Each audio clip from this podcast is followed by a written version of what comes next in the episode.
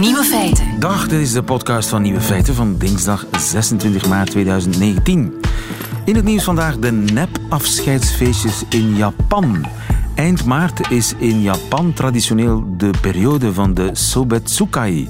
Dat zijn feestjes die je ex-collega's voor je geven als je in de loop van het voorbije jaar van job bent veranderd. Maar ja, wat als je geen feestje krijgt, omdat bijvoorbeeld die collega's je al lang vergeten zijn, of juist dolblij dat je weg bent? Voor die mensen biedt een Japanse restaurantketen nu fake feestjes aan. Fake Sobetsukai.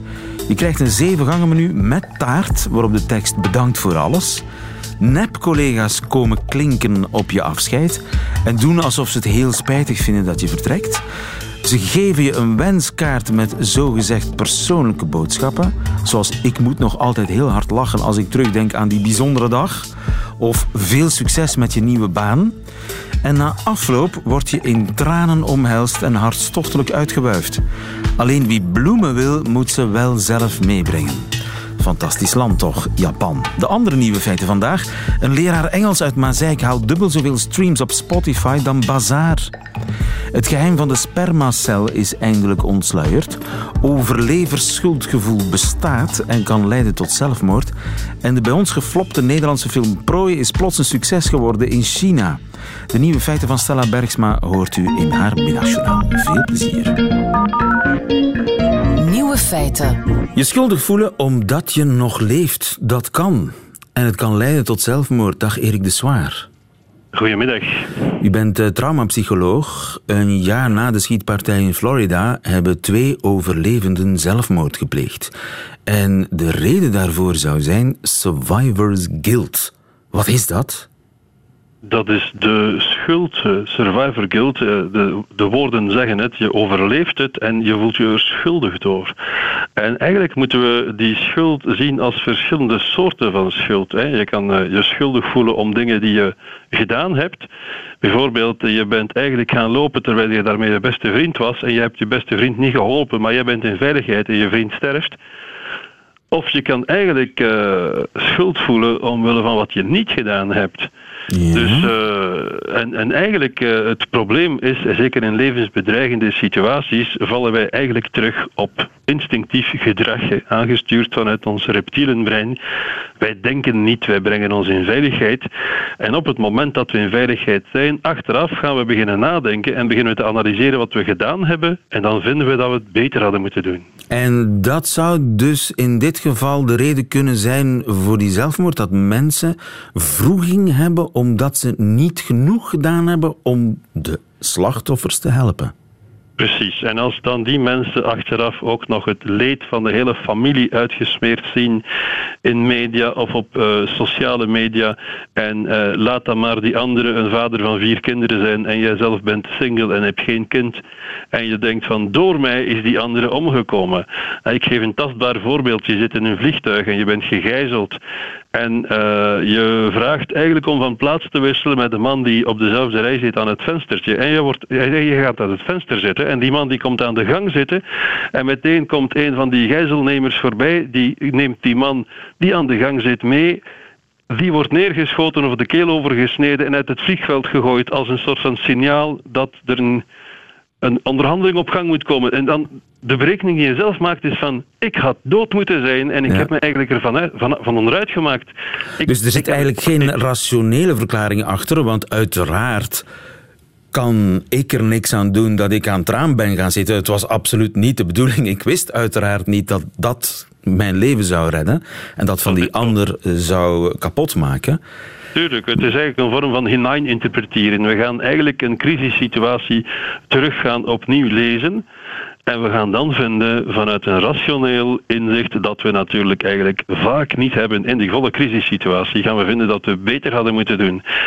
Natuurlijk zijn er ook omstandigheden waar we manifest fouten gemaakt hebben. En waar mensen bij mij komen in een therapeutische begeleiding en zeggen van door mij, en dan is het vaak inderdaad ook door wat ze gedaan hebben, dat een ander eigenlijk omgekomen is. Ja, maar dat is dus natuurlijk iets helemaal anders.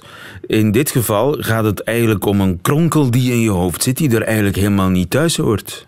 Maar die begrijpelijk is. Want uiteindelijk is het een poging van uh, een overlevende om het niet controleerbare toch onder controle te gaan brengen door zichzelf de schuld toe te kennen en te zeggen, had ik dit, dan was er dat gebeurd. En dat gaan we natuurlijk nooit weten. Ja, ja. Is dat hetzelfde wat je wel eens hoort zeggen van mensen die levend uit het concentratiekamp komen? Ja, helemaal. Ik heb het er zelfs vandaag nog over gehad met een collega wiens... Uh, maar die kunnen daar toch niks aan doen dat zij dat kamp, dat kamp hebben overleefd? Nee, zij hebben de gaskraan toch niet opengedraaid? Nee, tuurlijk, dat is zo. Maar die schuld zit er wel. Die, die, die schuld is eigenlijk vaak erg verlammend. En als therapeut proberen we die schuld, die schuld net te gaan omdraaien en te zeggen van gebruik die schuld als een soort missie in je leven om iets te doen voor het soort slachtoffers die gevallen zijn. Want degene die dood is, of als je halve, halve familie gestorven is in een concentratiekamp en jij hebt het overleefd, daar kan je niks meer aan doen. Maar je kan je wel inschrijven in een vereniging die zich eigenlijk bezighoudt met de vervolging van oorlogsmisdadigers of wat weet ik allemaal. En we vinden dan die mensen vaak ook terug op plekken in een organisatie waarin ze werken voor hogere doelen. Ja, ja. Dus een doel. De... En dat is eigenlijk als het soort van afkopen van je overlevingsschuld. Je kan er heel veel mee doen. Je kan het zien als een brandstof om de rest van je leven zin mee te geven. En dat is natuurlijk vaak het, de uitkomst van een therapeutisch proces. Iets anders in de plaats geven waar, waarop je je kunt storten. Dat is eigenlijk uh, de sleutel tot het uh, succes van die therapie. Ja, ja, ja, ja, en uiteindelijk je leven in handen nemen. En in plaats van dat schuldgevoel, want iedereen probeert je dat uit je hoofd te praten, dat gaat natuurlijk niet. Maar dat constructief gaan gebruiken als een richtbaken, als een wegwijzer in je leven. Maar het bestaat dus Survivors Guild overleversschuld. Erik de Zwaar, dankjewel. Goedemiddag. Nieuwe feiten.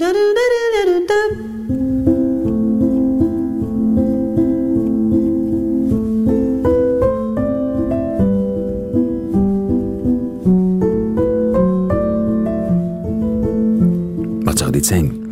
Is het Satie? Is het Ludovico Einaudi? Het lijkt erop, maar nee hoor, het is Wouter de Wit. Dag Wouter. Goedemiddag, lieve. Wouter, ik bel jou in het voormalige Heilig Kruiscollege in Mazeik. Tegenwoordig heet dat Moza RT. Wat doe je daar? Ik geef hier... Op dit moment zit ik op het secretariaat, maar ik geef hier uh, les. Je geeft les? Engels. Leraar Engels? Ja, klopt.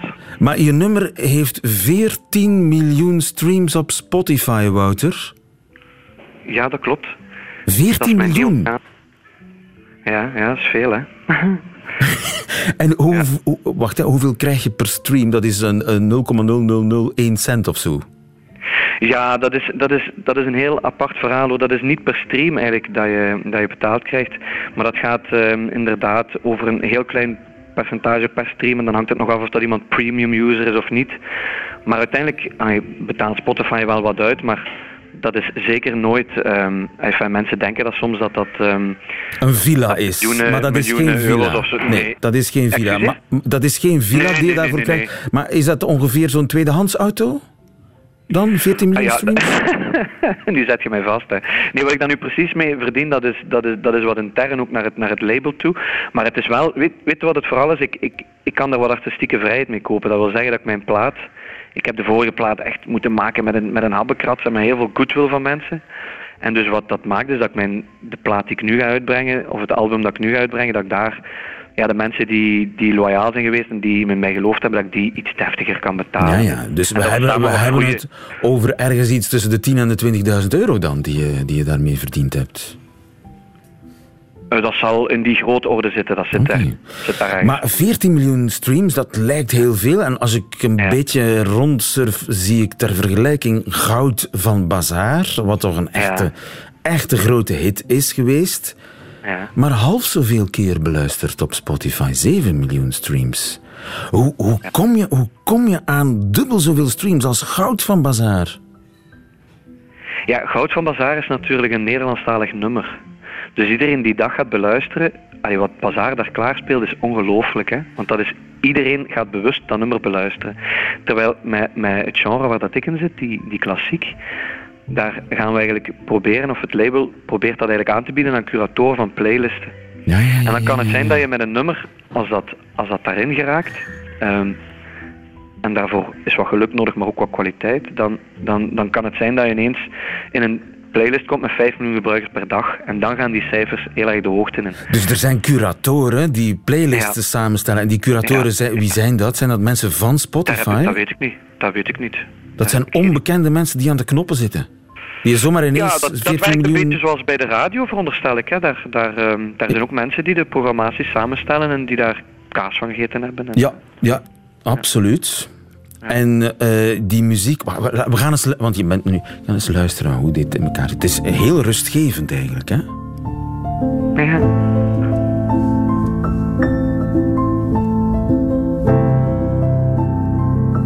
Het is een heel speciaal ritme, er zitten wals in. Het zijn eigenlijk twee ritmes door elkaar bijna. Ja, ja. Heb je dat zelf? je, je goed gehoord je, je, comp ja, dank u. Je componeert zelf thuis, ja. neem ik aan, op je, op je piano. Ja. En uh, heb je die muziek ook thuis opgenomen of moet je daarvoor naar een... een nee. Eh, nee, ja, je, nee. in een echte studio? Ja, absoluut. Dus wat ik eigenlijk doe is, ik, ik heb een gezin met drie kinderen, ondertussen een hond, dus ik, ik probeer gewoon af en toe te ontsnappen aan de drukte van de dag. En wat ik thuis speel en niet vergeet, wat blijft hangen in mijn hoofd, daarvan denk ik dat het iets is. En daarmee ga ik s'avonds uh, naar de studio bij Joris Peters in Diepenbeek, uh, Bed uh, Productions. En dat is een kleine studio met iemand die een hart heeft voor muziek en daar, daar nemen wij samen die dingen op. En na een tijdje hebben wij iets klaar en dan is dat een werk en dan gaan we daarmee naar het label. Ja, ja. En breng je die cd's ook echt uit of, of publiceer je Tuurlijk, alleen op tuurlijk. Spotify? Ah ja, die cd's zijn ook Nee. gewoon te koop in de winkel. Absoluut. En, en gaat die cd-verkoop nu ook eh, pijlsnel de hoogte in na je succes op Spotify? Ja, die twee staan nog tamelijk los van elkaar hoor. De fysieke Ah, ja. CD-verkoop, Echt, een, dat is echt eh, een ander publiek. Ja, dat is een ander publiek, ja. Dus Dat de kwestie is om op de juiste playlist terecht te komen. En dan zijn er wereldwijd mensen, zowel in Patagonië als in Ja. ja, Neder-Overheenbeek als in Noord-Japan. Die zeggen, ik wil Ja, een beetje krijg mails rustge- van beelden weer. rustgevende, rustgevende pianomuziek. En dan, huppakee. Ja. Ja, dat is. Nu, ik, ik moet, moet eerlijk zeggen, ik ben bezig met, met, met mijn eigen werk te maken en daar zo eerlijk mogelijk in te zijn wat daarmee gebeurt. Dat, daar, daar heb je zo, ik heb daar niet zoveel controle over. Dus ik, Ja, want je hebt geen promotie heel- gevoerd. Je doet niet aan concerttournees. Je hebt geen videoclips. Je hebt... eh, Ik heb geen videoclips, ik heb wel een, een tournee gedaan met het vorige album in de CC's in, in Vlaanderen Ah ja. eh, en in Nederland. Ja. Oké. Ja. En, maar dat gaat dus nog verder natuurlijk, neem ik aan. Je, je- de, de aanbiedingen Ehm, lopen binnen.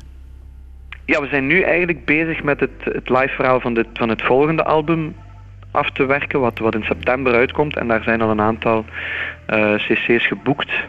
Ehm, ja, voilà. En Dus jij geeft ook concerten. ja, absoluut. En wanneer is je eerstvolgende concert? Ah, wel, het is nu toevallig morgen International Piano Day, omdat het de 88ste dag van het jaar is. Er zijn 88 toetsen. Ehm, als je dat googelt, ga daarbij uitkomen. En ik speel ter gelegenheid daarvan om 6 uur s'avonds in de bibliotheek in Genk solo, een gratis concertje. Kijk eens maar voor de rest moeten mensen wachten tot september. 14 Ja, miljoen keer beluisterd op eh, Spotify en morgen gratis te zien in de bibliotheek van Genk op Piano Day. Een leraar Engels uit het eh, Heilig Kruiscollege in Mazeik, het voormalige Heilig Kruiscollege moet ik zeggen. Wouter de Wit, mag ik je van harte feliciteren? Dank u. Nieuwe feiten. Eindelijk, het geheim van de spermastaart is ontsluierd. Goedemiddag, professor De Sutter. Goedemiddag. Professor Petra de Sutter, hoofdafdeling reproductieve geneeskunde van het UZ in Gent. Britse onderzoekers hebben het geheim van de spermastaart ontsluierd, want het was tot nog toe een mysterie hoe de menselijke zaadcel tot bij de eicel geraakt. Ik dacht altijd, ja, via de kortste weg. Maar blijkbaar is het niet zo simpel. Ja, wat, wat men eigenlijk in uh, een nieuw onderzoek inderdaad dat uh, gepubliceerd is, heeft uh, gedaan, is een, een betere beschrijving van de staart van de zaadcel dan men tot nu toe had. En men heeft eigenlijk ja, kunnen aantonen dat de staart van de menselijke zaadcel bijzonder geschikt is om in een zeer viskeuze omgeving te bewegen. Dus een, een beweging die, een sorry, omgeving die zeer stroperig is. Stroperig. In tegenstelling tot water bijvoorbeeld. Ja. Want, um, want die, die tocht die die spermacel moet afleggen, is dat echt zo'n hindernissenparcours? Ja, dat is absoluut zo. Je hebt miljoenen, vele tientallen miljoenen zaadcellen in een normaal zaadstaal die bij uh, betrekkingen vrijkomen uh, in de vagina. Uiteindelijk gaan er maar een paar honderd in de eileider de eicel bereiken. Dus er gaan er heel veel onderweg afvallen die niet goed zijn, onvoldoende beweeglijk uh, of de verkeerde richting uitgaan enzovoort. Dus het zijn echt wel de sterkste zaadcellen die de beste beweeglijkheid hebben, de beste overlevingskansen en een grote portie geluk uh, die uiteindelijk de eicel gaan bereiken. Maar het is een echte survival-tocht. Ja, dat klopt. Absoluut. En wat zijn zo de hindernissen? Wel, om te beginnen heb je um, de vagina die een zure uh, omgeving heeft, een lage pH, die dus eigenlijk heel uh, ja, slecht is voor de overleving van zaadcellen. Vandaar dat het sperma alkalisch is, een hoge pH heeft, om dat te kunnen bufferen. En dan kunnen de zaadcellen toch even uh, overleven in de vagina zelf. Ja. Maar dan moeten ze zo snel mogelijk in de baarmoederhals zien te geraken, waar heel veel kliertjes en crypten, zoals men dat noemt, laten we zeggen, ja, een soort dat is een hangetjes. Een ja, soort ja. doolhof in die baarmoederhals. Dus je wordt in een bad met zuur gegooid, je moet door een doolhof en, en dan?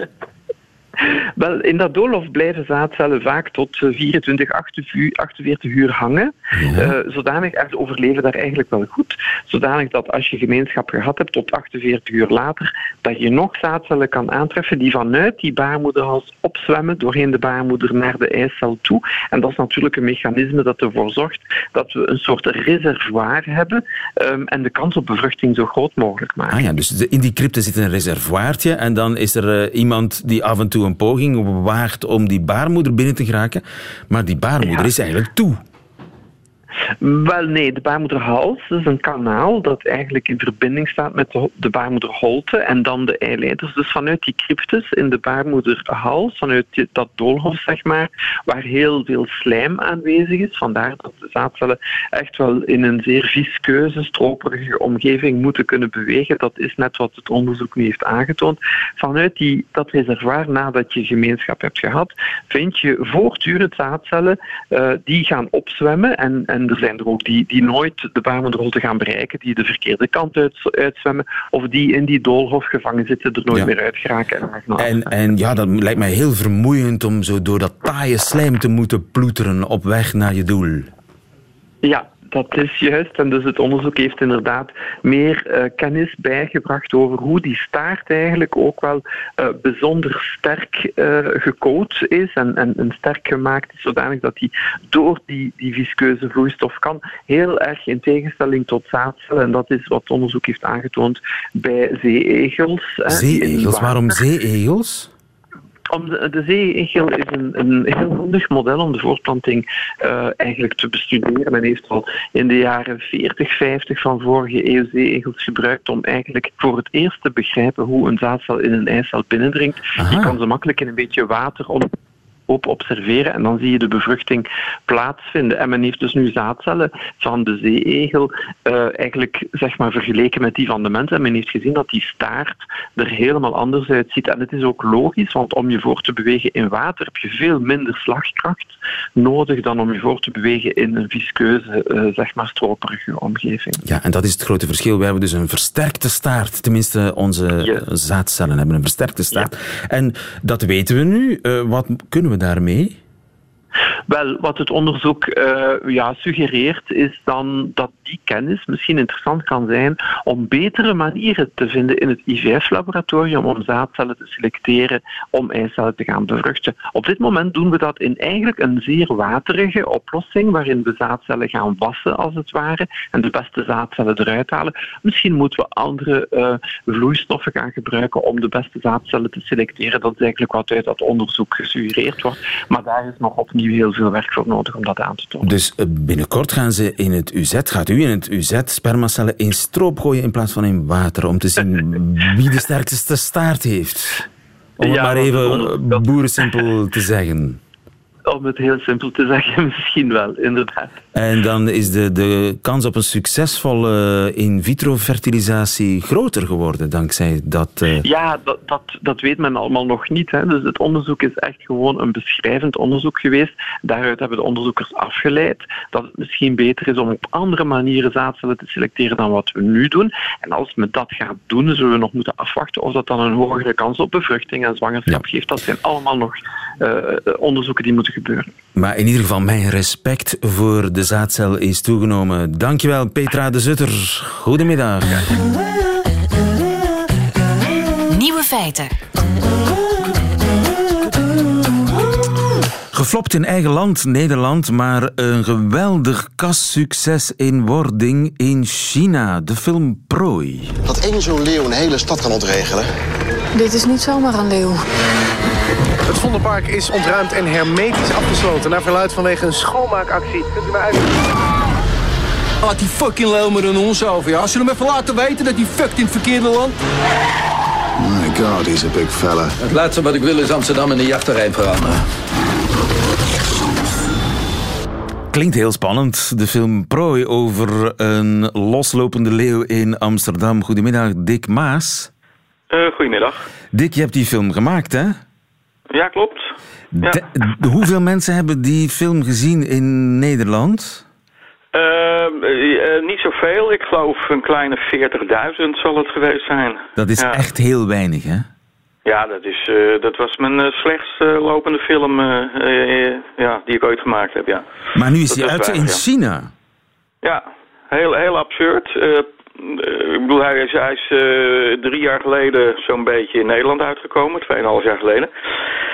En uh, ja, dat hij dan opeens opduikt in China, dat, dat was voor iedereen een verrassing eigenlijk. Maar je bent niet zelf met je film gaan leuren, om zo te zeggen, in China?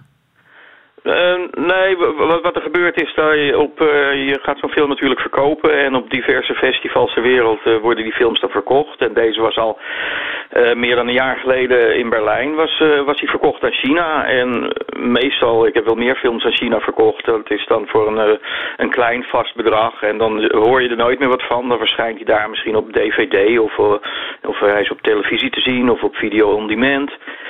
En ik dacht, nou, dat gebeurt met, uh, met deze film ook. Maar ja, plotseling, uh, een maand geleden hoorde ik van ze willen hem in, het, in de bioscoop uitbrengen.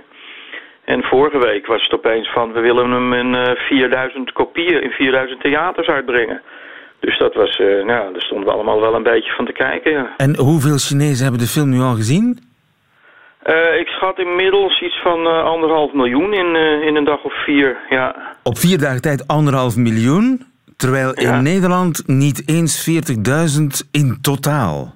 Ja, ja dat is, Gek is dat, uh, is Raar. Nou ja, misschien uh, die Chinezen uh, houden wel misschien van, van goede, spannende films. Ik weet het niet, maar dus, die 30.000, ja, je, je, kan er allerlei redenen voor aanwijzen. Ik vond het destijds dat de film hier niet helemaal goed is uitgebracht in Nederland. Maar of dat de enige oorzaak is, dat, dat kan je achteraf eigenlijk uh, niet, niet helemaal meer bepalen. Ja, maar ik hoorde net in de trailer uh, dat heerlijke Amsterdamse accent. Dat maakt natuurlijk ook die film uh, lekker, hè? Die kleine juicy details. Ja. Hebben, de, hebben de Chinezen dat door? Ik denk niet dat ze een Amsterdams accent horen. Ze horen natuurlijk een hele onduidelijke taal die helemaal niet mooi in je oren klinkt.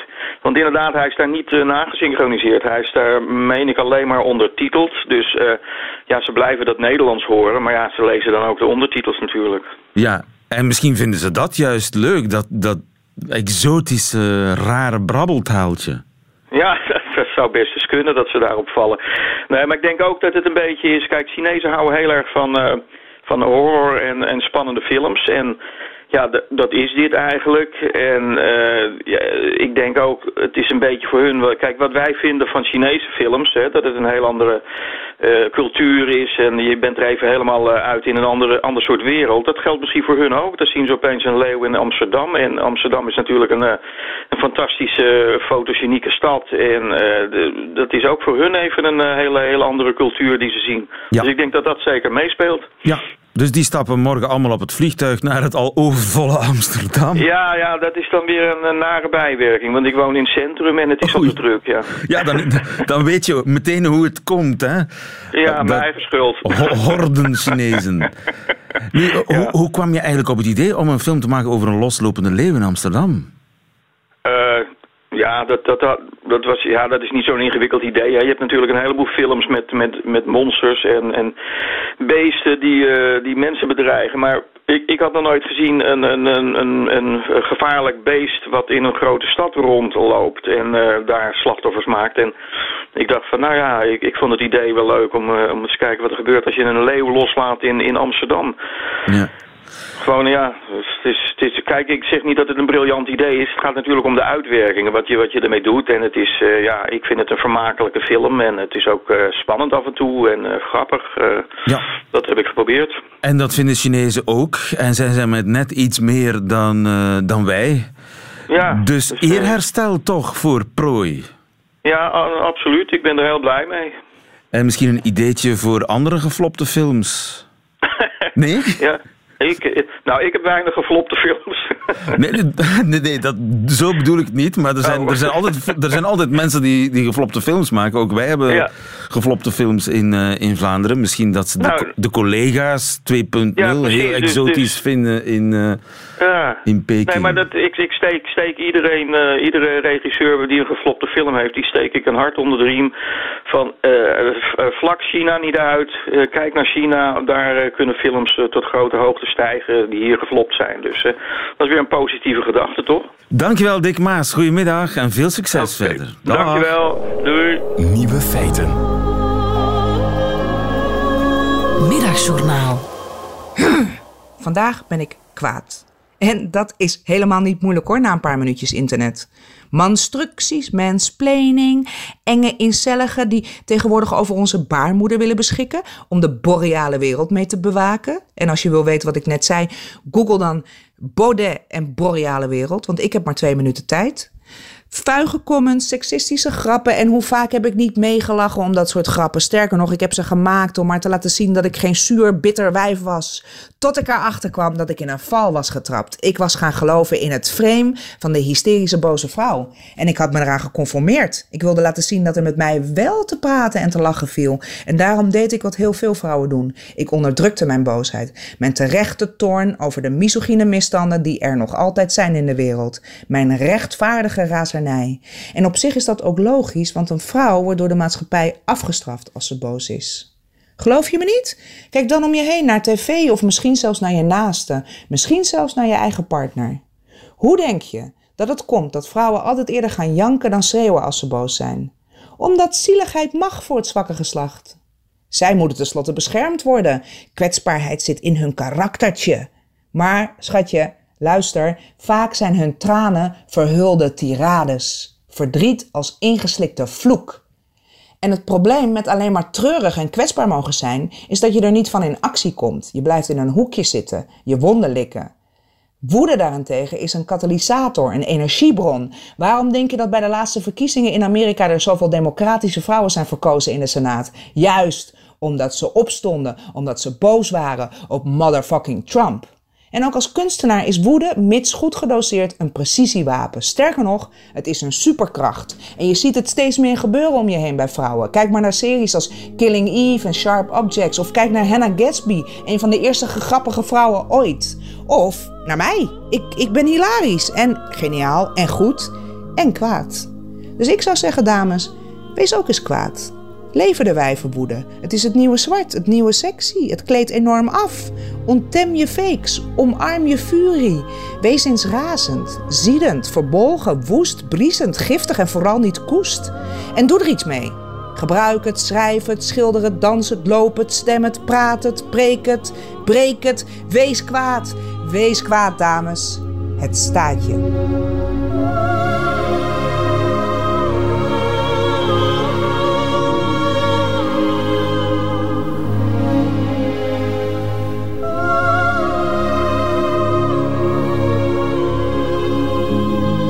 Stella Bergsma in het Middagjournaal. Einde van deze podcast, maar u vindt er nog veel meer op radio1.be en op de podcastkanalen. Tot volgende keer.